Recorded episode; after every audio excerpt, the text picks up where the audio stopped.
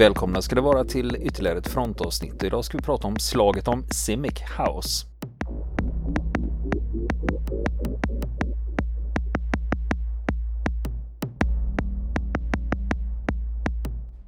Och nu fortsätter vi berätta historien om slaget vid Simic House. Men det som händer annars nu, det är att det blir ett rejält tryck mot Simic House och det har anslutit sig många till den här Mehdi-armén och även från andra fraktioner så har de liksom enats i kampen mot eh, koalitionsstyrkorna. Så nu har man ju en väldigt stark och mäktig fiende mot sig. Och det finns lite olika anledningar i och för sig till att Mehdi-armén får rekryter. Dels har vi de som är övertygade i sin kamp och sen har vi de som får betalt. Och så har man dessutom inresta jihadister från andra delar av Irak och även från andra länder. Och Det finns också eh, pengar i det här, varför man har satt ett pris på brittiska soldater. Att den som lyckas döda en brittisk soldat får 200 dollar. Och i Alamara är 200 dollar väldigt mycket pengar. Det är en rejäl slant i de sammanhangen. Ja. Ja, och det som händer här i början av augusti i Alamara det är att mäktigarmén tar alla polisstationer i stan och nu är det bara Simic House kvar. Det är alltså enda utposten kvar och de utsätts hela tiden för granatkastareld. I den här situationen då Sergeant Dan Mills, han och några andra har varit på permission och ska tillbaka till Semic House. Eh, och eh, de hade varit nere i Kuwait då några dagar och fått eh, slappna av lite och shoppa lite och käka lite annan mat och sånt. Då. Och de ska ju tillbaka till Simic House. Och under de här förhållandena som pågår just nu när det är full cirkus i stan. Mm. Då ska de köra två Land Rovers söderifrån stan.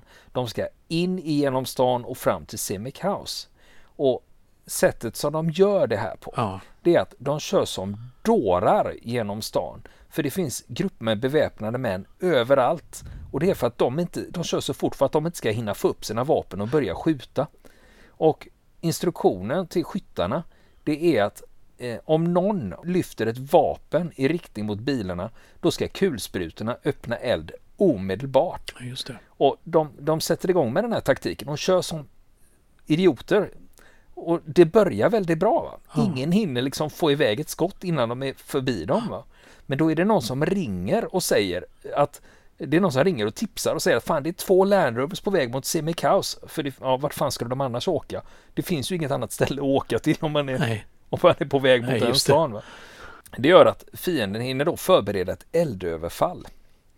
Eh, när de är på väg då och vet om att snart kommer det två Land Rovers med brittiska soldater. Och mycket riktigt, 500 meter från Semic House, då smäller det. Och då är det 100 meter framför bilarna. Då rusar tre killar ut med varsin AK vid höften och öppnar automateld. Och de två kulspruteskyttarna i bilarna, de har eh, FN Minimi, alltså KSB 90 då. De öppnar eld direkt. Och Dan Mills eh, som, som sitter på passagerarsidan, han, han öppnar dörren, sticker ut sin SE80 i springan mellan bilen och dörren och tömmer ett magasin automateld mot skyttarna. Och de här förarna börjar zigzacka över vägen för att bli svårare att träffa. Men ja. bilarna träffas ändå det sprutar gnistor när kulor slår mot motorn och motorhuven. Och en kula går genom rutan men den träffar ingen. Men när bilarna kommer fram där skyttarna stått, då har de skjutit ner två av dem som ligger vid vägkanten. Och den tredje går ner på knä efter en magträff och pressar händerna mot magen. Och den första Landroven svänger undan och missar skytten som står på knä. Men den andra Landroven hinner inte väja. Han träffas i hög fart och blir överkörd av ett hjulpar. Och då ska man veta att här kommer det en Landrover som väger fyra ton i hög fart. Ja, just det. Så, så, det är inte så muntert att bli överkörd av en sån. Nej, inte att leka med.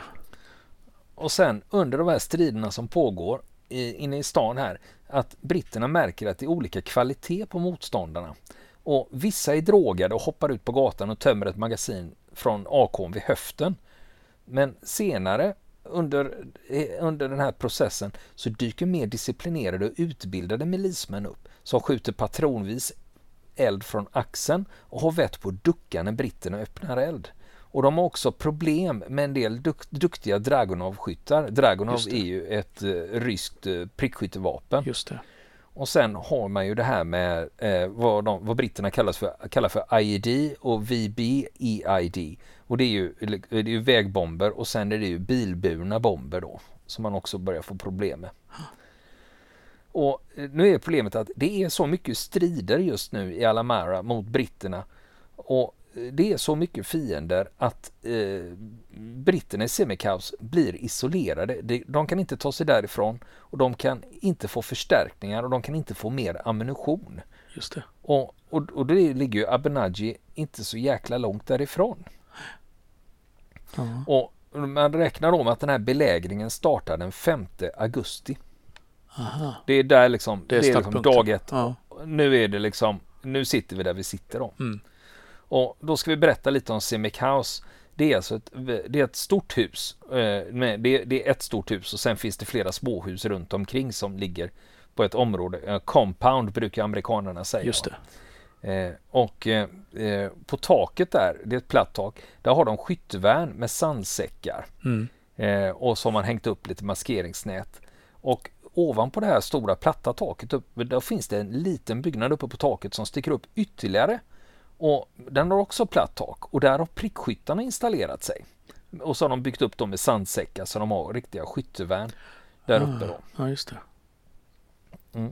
Och Dan Mills här som jag nämnt redan, han är chef för prickskytteplutonen och de har i uppgift att hålla koll på vad som händer. Men eh, och utanför själva huvudbyggnaden så finns det baracker som soldaterna kan bo i. Men när det blir för mycket granatbeskjutning då flyttar alla in i huvudbyggnaden. För det är för farligt att vara ute i barackerna för man räknar med att de inte kan stå emot eh, granatkastareld eller något annat. Just det.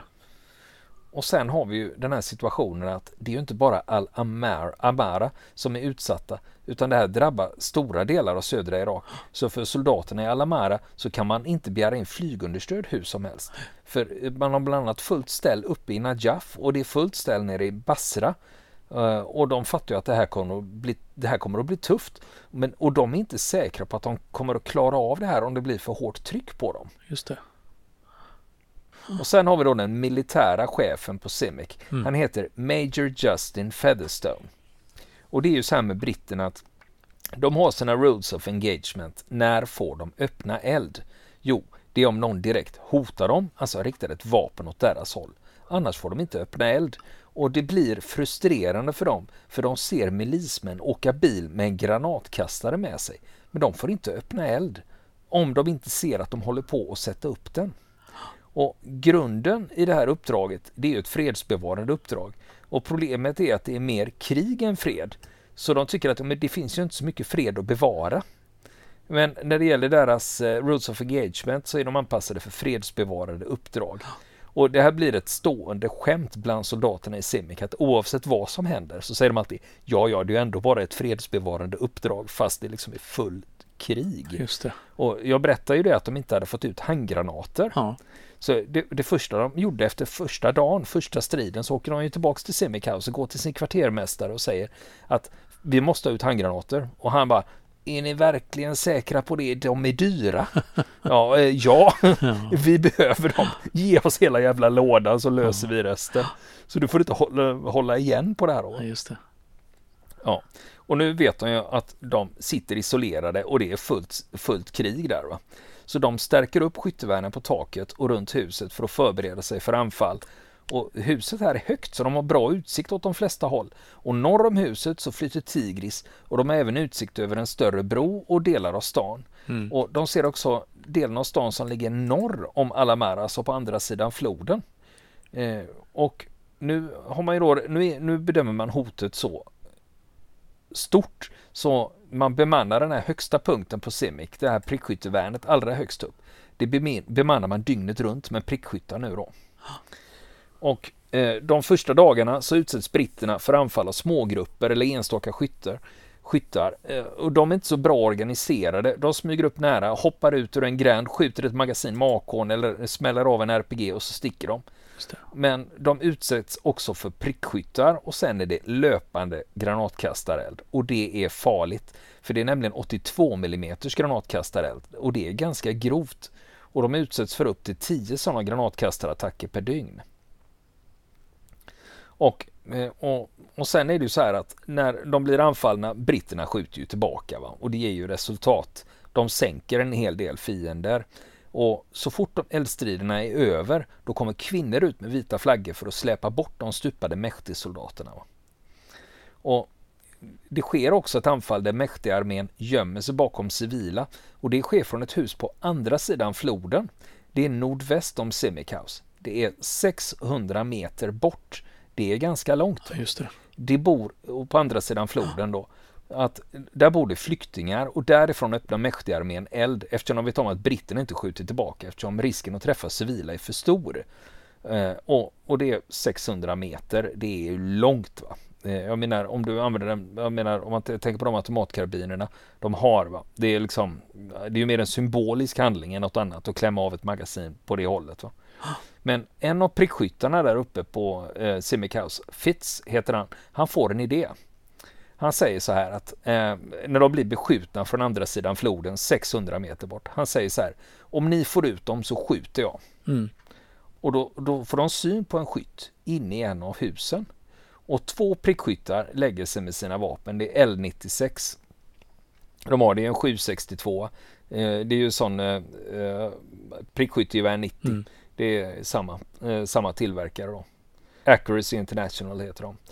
Och då är det eh, en av de här prickskyttarna som ligger där uppe eh, på semikaos, Han skjuter in i huset. Och eh, där de har sett den här skytten. Och skytten kommer ut och han gömmer sig bakom en 12-årig flicka. Och han rör sig med henne längs med väggen och försöker komma undan. Och då prickskytten Fitz trycker av ett skott på 600 meter träffar honom i halsen precis mellan nyckelbenen och skottet kapar en stor artär. Han ramlar ihop och flickan som han har hållit framför sig blir nedstänkt med blod. Hon springer därifrån. Och den här skytten som har fått skottet i, mellan nyckelbenen, han försöker stoppa blödningen där men han dör inom 30 sekunder. Mm.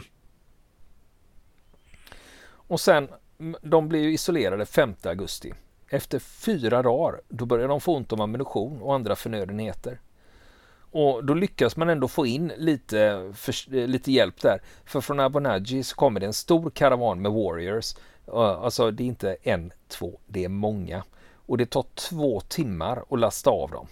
Och de tog en omväg för att få det lugnt, men de fick ändå slå sig fram för att ta sig fram till Semek. Men nu har de då lyckats fylla på ordentligt. Nu har de fyllt på resurserna och Warriors lämnar och nu får de klara sig själva. Nu byter de dessutom chef på Semek. För eh, CEO kallar ju britterna det, Commanding Officer. Eh, det är han Featherstone, han blir avlöst nu. Och han vill ju inte det, han protesterar. Men det är det att han har tjänstgjort under väldigt lång tid och under extremt pressade förhållanden. Så det är inte för att han är oduglig utan det är ju för att han är ju helt jävla slut. Va? Även om han själv inte tycker det. Va? Och dessutom så har man tre av prickskyttarna från prickskytteplutonen ska på, på permission. Och eh, då kommer det en ny befälhavare, Captain Charlie Curry. Han är i 30-årsåldern. Och, och eh, första morgonen han är där, då går han runt och plockar upp alla blindgångar och kastar dem i floden. Det har ju kommit, det är granatkastarna har ju skickat in en jäkla massa granater och alla har ju inte detonerat utan det ligger blindgångare lite, över, lite överallt. Och då går han runt och bara plockar upp dem och slänger dem i floden och det är farligt. Men eh, soldaterna där gillar Curry för han är snabb i beslut och han är ganska liberal.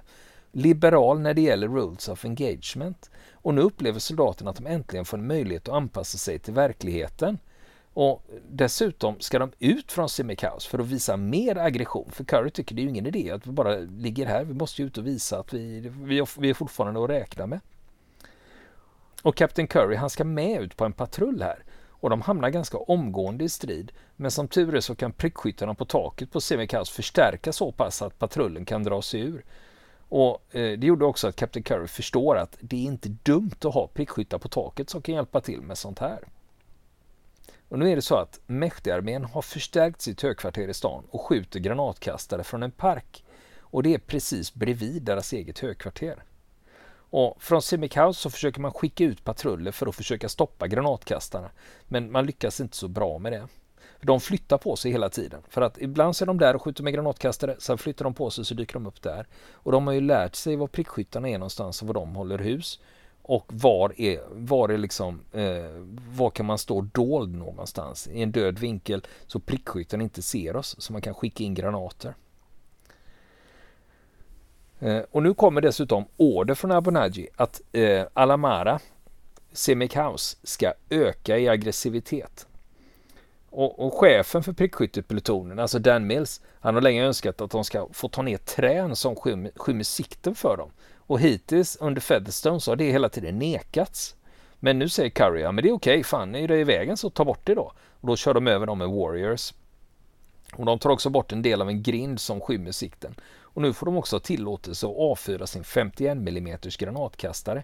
Tidigare har man tyckt att ja, men det är för farligt, vi är ju i en stad. Om vi slänger iväg en granat, vi har ju inga garantier riktigt för det är, så, det är för stor risk för eh, att man skadar civila.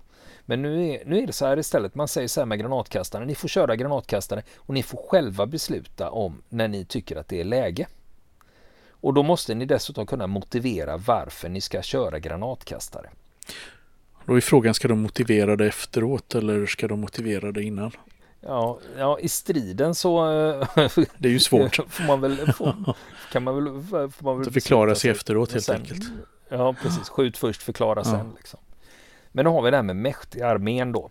Att nu börjar de organisera sig på riktigt. För nu kommer grupper om 30 milismän åt gången och de slåss bättre än de tidigare som de har stött på. Och då tänker britterna att vad fan det beror på att de kassa mäktesoldaterna, de har vi ju redan dödat, nu är det bara de duktiga kvar. Och Det innebär att britterna byter också taktik. För tidigare sköt de bara mot tydliga mål som syntes helt klart och var helt klara på att där är en fiende, han riktade ett vapen, nu skjuter jag. Men det som britterna börjar göra nu, att nu skjuter de istället mot misstänkta punkter. Ja. Eh, det betyder skuggor, mörka fönster, dörröppningar och de kallar det här för reconnaissance by fire. Man skjuter och så ser man vad som händer. Ja, just det. det kan ju dyka upp någon liksom, som resultat av att man lyckas locka ut någon. Och sen får man också förstärkning i form av stridsflyg. Ja. Men stridsflyget används bara för att flyga över. De dånar över stan på låg höjd och det ger effekt. Va? För plötsligt så dyker de upp och, så dörnar det ju till så in i helsike. Men efter ett tag så vänjer sig fienden vid det här. För att de märker att de bara flyger förbi, de gör ju inget. Ja, just det. Så då, då börjar fienden skita i det. Va? Blir de modigare igen? Jo men alltså okej, okay, de flyger förbi med sina flygplan men det händer ju inget. De skjuter inte, de släpper inga bomber så att ja, ja då får de hålla på då. Och sen var det där mäktiga armén att de hade organiserat om sig. Det är att eh, fienden blir bättre här. Va? Inte bara på hur de anfaller utan även deras träffsäkerhet. Och det gör att nu börjar britterna bli rädda för att de ska bli träffade. Och eh, ett skyttevärn på taket träffas av en granat men som tur är var det tomt just då. Och sen är vi framme vid den tionde dagen och belägringen. Då inträffar en incident på taket. Då pågår det spridda anfall och granatkastarbeskjutning men just nu har det lugnat ner sig och Sergeant Dan Mills skickar ner sina soldater för att äta. Och kvar är Mills och hans stridsparskamrat. Och då, pang, då träffas Sergeant Dan Mills hjälm av en 762 i hjälmen. Det, han är alltså några centimeter från att bli dödad. Kulan tog på höger sida bak på hjälmen det, och det blev en skåra i hjälmen som var 5 cm lång och 1 cm djup. Och hade den tagit några centimeter till vänster så hade den penetrerat hjälmen och slitit loss delar av skallen. Och det är inte första gången det är nära för Mills. För under striderna i april-maj då hade han fått en 762 i västen under en eldstrid när de var ute på patrull. Och fienden som sköt honom, de var helt övertygade om att de hade dödat Mills. För när de skjuter och ser att de träffar och han ramlar ihop men han har en sån tur att han har, det är en kombination av ryggsäcken och skyddsvästen som hindrar kulan från att tränga in i kroppen. Men det blir en rejäl bula efter den träffen. Stor som en grapefrukt ungefär. Mm.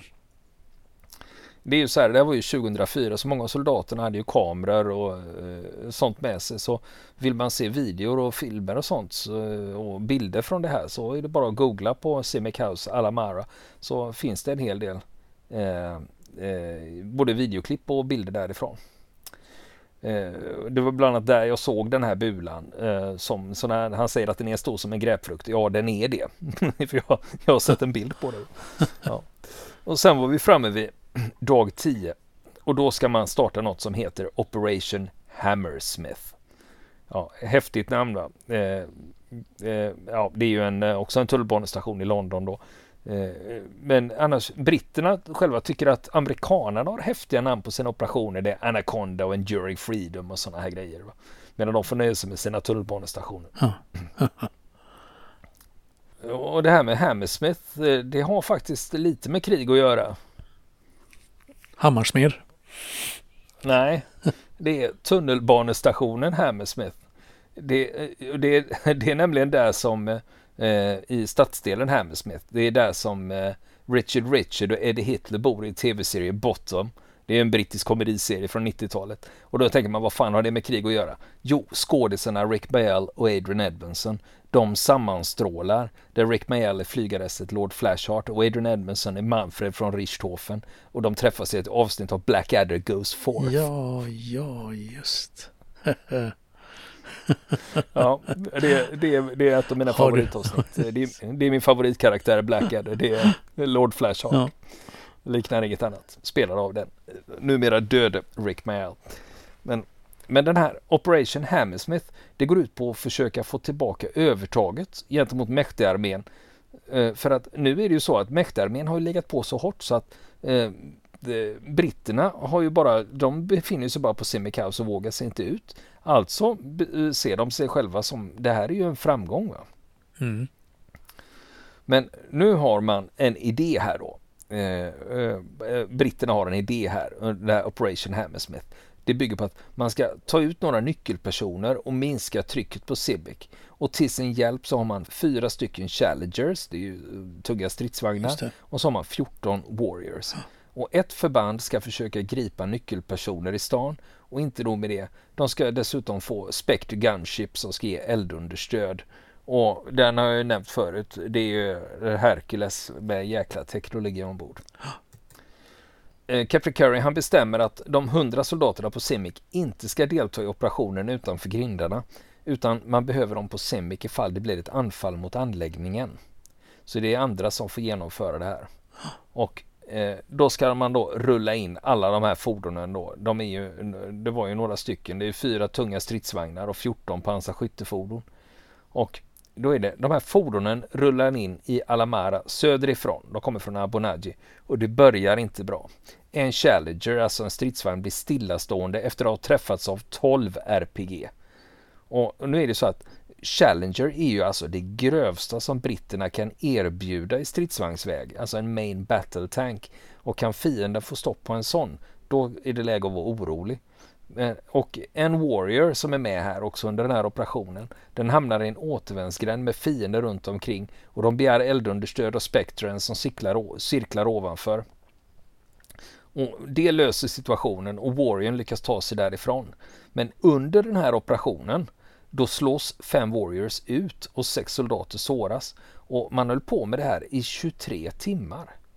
Eh, och under, under alltså ett dygn nästan eh, av strider här. Va? Och under de här timmarna så sätts det ett rekord.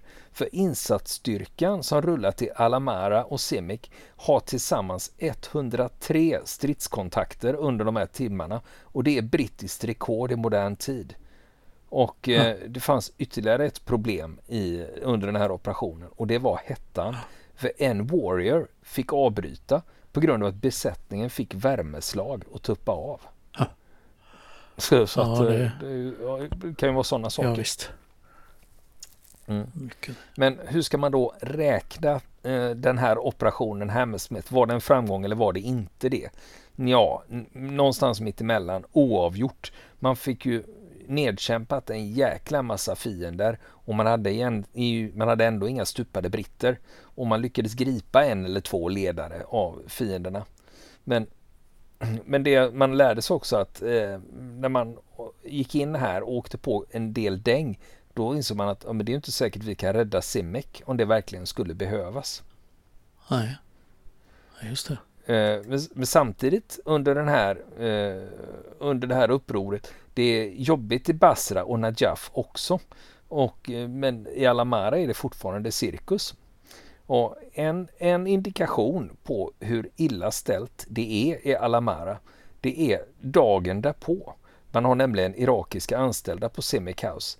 De här irakiska anställda, de tömmer Semikaus på allt av värde som inte sitter fast. De tar med sig tvättmaskiner, luftkonditioneringar och tv-apparater och det gör de helt öppet framför britterna. De smyger inte ens med det. Utan det är bara, ja det är ju kört så då kan vi lika gärna ta med oss mm. det vi, så vi, de tar med sig så mycket de kan bära. Men britterna de bryr sig faktiskt inte så mycket om de det där. De har lite annat att tänka de, på.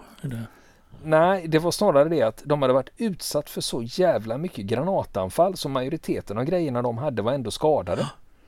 Ja. Men sen är det en annan grej då att nu sticker de irakiska arbetarna. De tar med sig så mycket de kan bära och sen försvinner de därifrån. Och, men britterna säger så här att okej, okay, det mesta grejerna de tog det var ju sånt som var trasigt av granatsplitter. All, för allting var ju, här inne var ju nästan träffat av granatsplitter. Men det är ändå en bra funktion att de blir av med sakerna. För nu är det nästan tomt i byggnaderna och det gör att det är lättare att röra sig utan att riskera att snubbla över grejer. Framförallt på nätterna. Just det. Så, eh, och, så att eh, britterna själva då säger, ja men fan de har ju börjat, nu tömmer vi det på resten av skit då så vi har rena korridorer och rena rum så vi kan röra oss utan att hålla på och snubbla. Och det, det som britterna råkar ut för här nu det är prickskytteeld och granatkastareld. Och britterna slutar röra sig ute på nätterna överhuvudtaget. Och sen är det ju det här att man går ut med, fienden går ut med en rekryteringskampanj. Att man erbjuder 50 amerikanska dollar per dag till de som ställer upp som soldater. Och dessutom så har man lite en extra bonus där för eh, man skickar ofta med fienderna amfetamin och opiater. Så de är eh, höga när de är ute och ska kriga. Då blir man lite modigare också. Huh. Och vad är, men vad är det som finns kvar vad man kan göra på Simic då? Jo, man har fortfarande två Warriors kvar som går att använda för de är fullt funktionsdugliga. Och eh, fienden får fram fler granatkastaromgångar som utsätter dem för eld. Och mellan den 11 och 13 augusti då skjuts det 400 granater mot Simic och det sker från alla håll.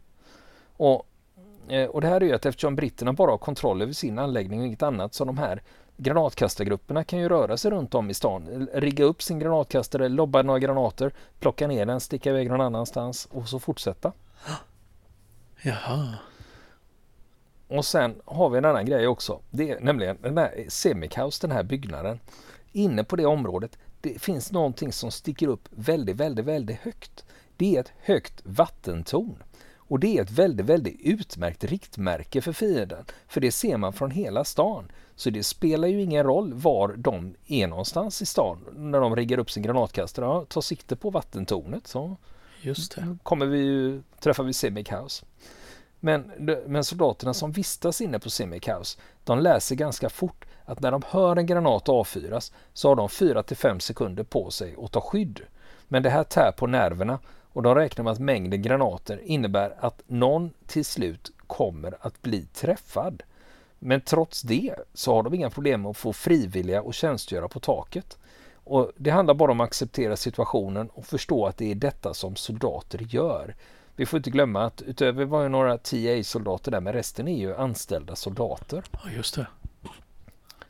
Och, för, och sen har vi sergeant Dan Mills där som är chef för prickskytteplutonen.